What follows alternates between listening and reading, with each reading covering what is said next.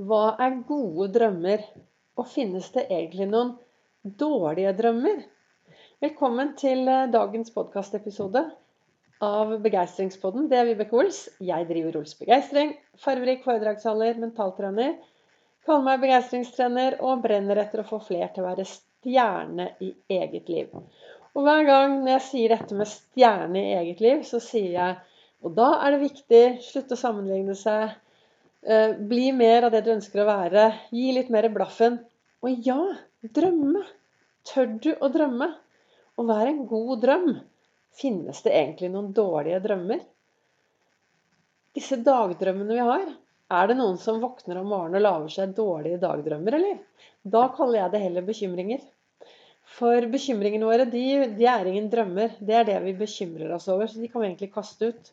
Og det har jeg jo snakket litt om den siste tiden, for jeg har jo vært oppe på Jeg har litt bekymringer, men jeg er veldig flink til å snu det til eh, noe positivt. Eller til noe konstruktivt. Eller til noe som i hvert fall jeg slipper å bruke energi på.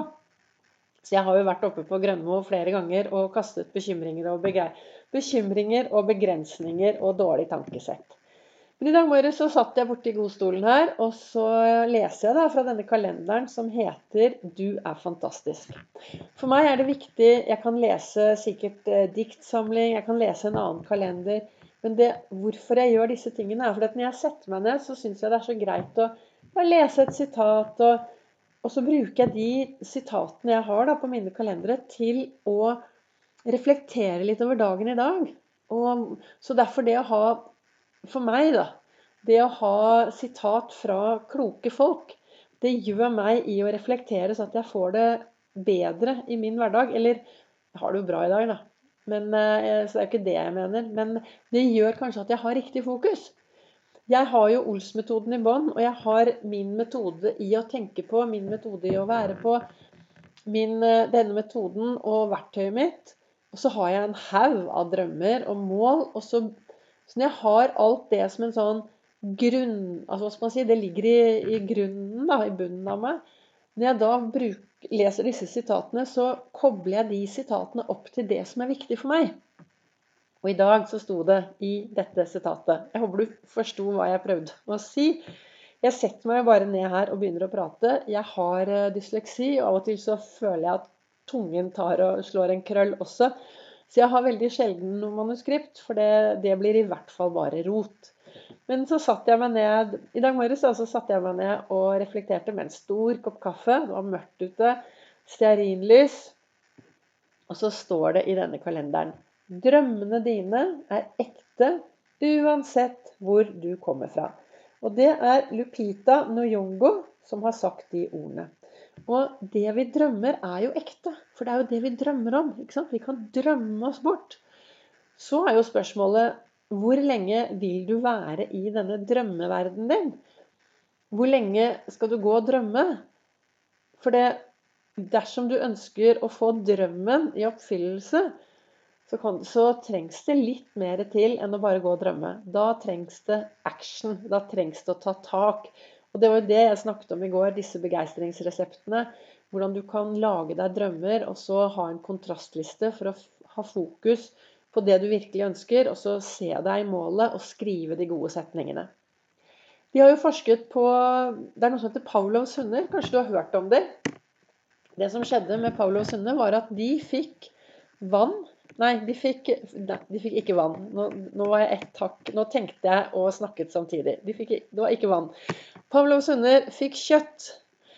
De fikk helt ferskt kjøtt. Samtidig som noen ringte med en bjelle. Pling, pling, pling.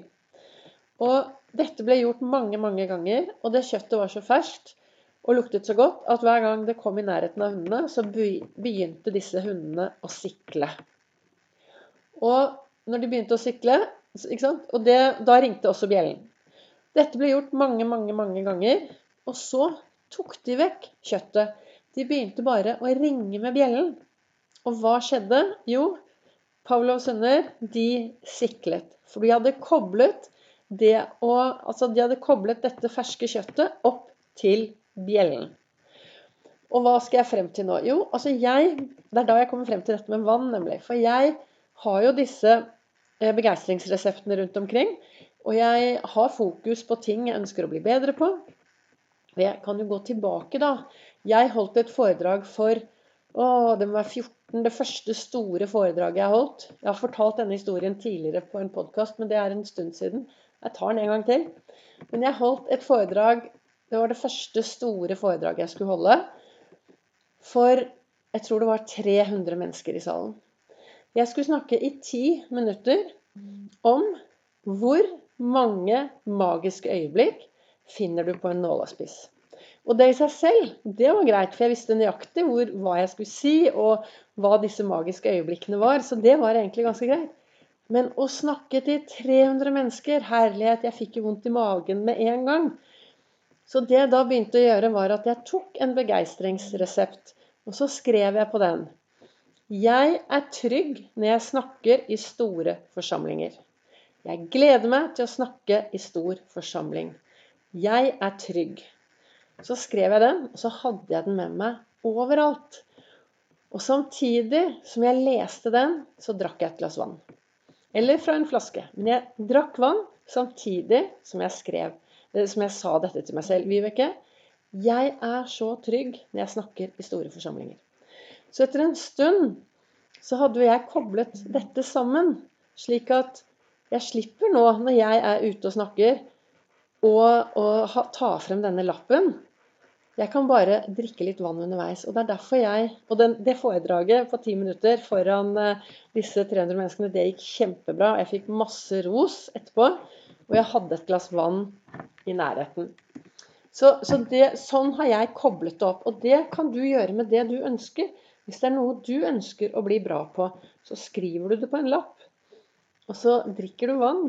Og så etter en stund så klarer du å koble de to tingene sammen, sånn at dette vannet faktisk er det som trigger de gode følelsene. Så når jeg er på foredrag nå, og holder foredrag rundt omkring, så har jeg alltid et glass vann stående der. Så drikker jeg det rolig.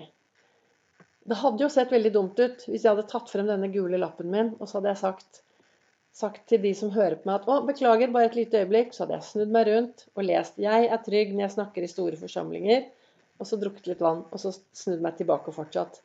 Nå har jeg den følelsen hver gang jeg drikker vann på et foredrag. Så har jeg den trygghetsfølelsen og troen på meg selv.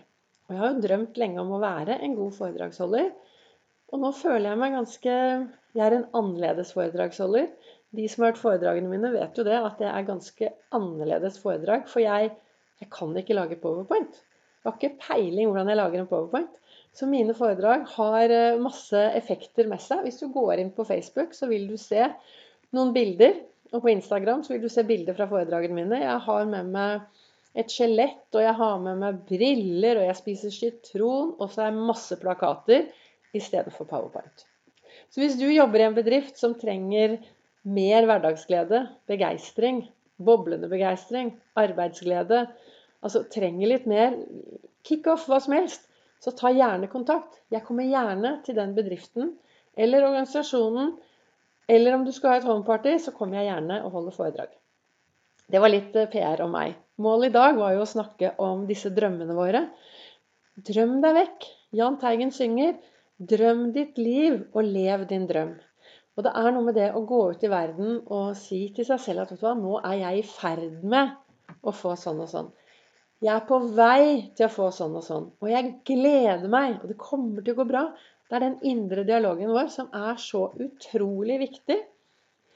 Og så, hvis du til og med kanskje, jeg, jeg mener jo det, da. At uh, hvis du til og med beveger deg litt ute i frisk luft samtidig som du tenker og drømmer deg bort, så, du, så, går det fortere. Nei, det vet jeg ikke om, det, akkurat om drømmen går fortere i opp, oppfyllelse, men da blir du jo mer kreativ, da.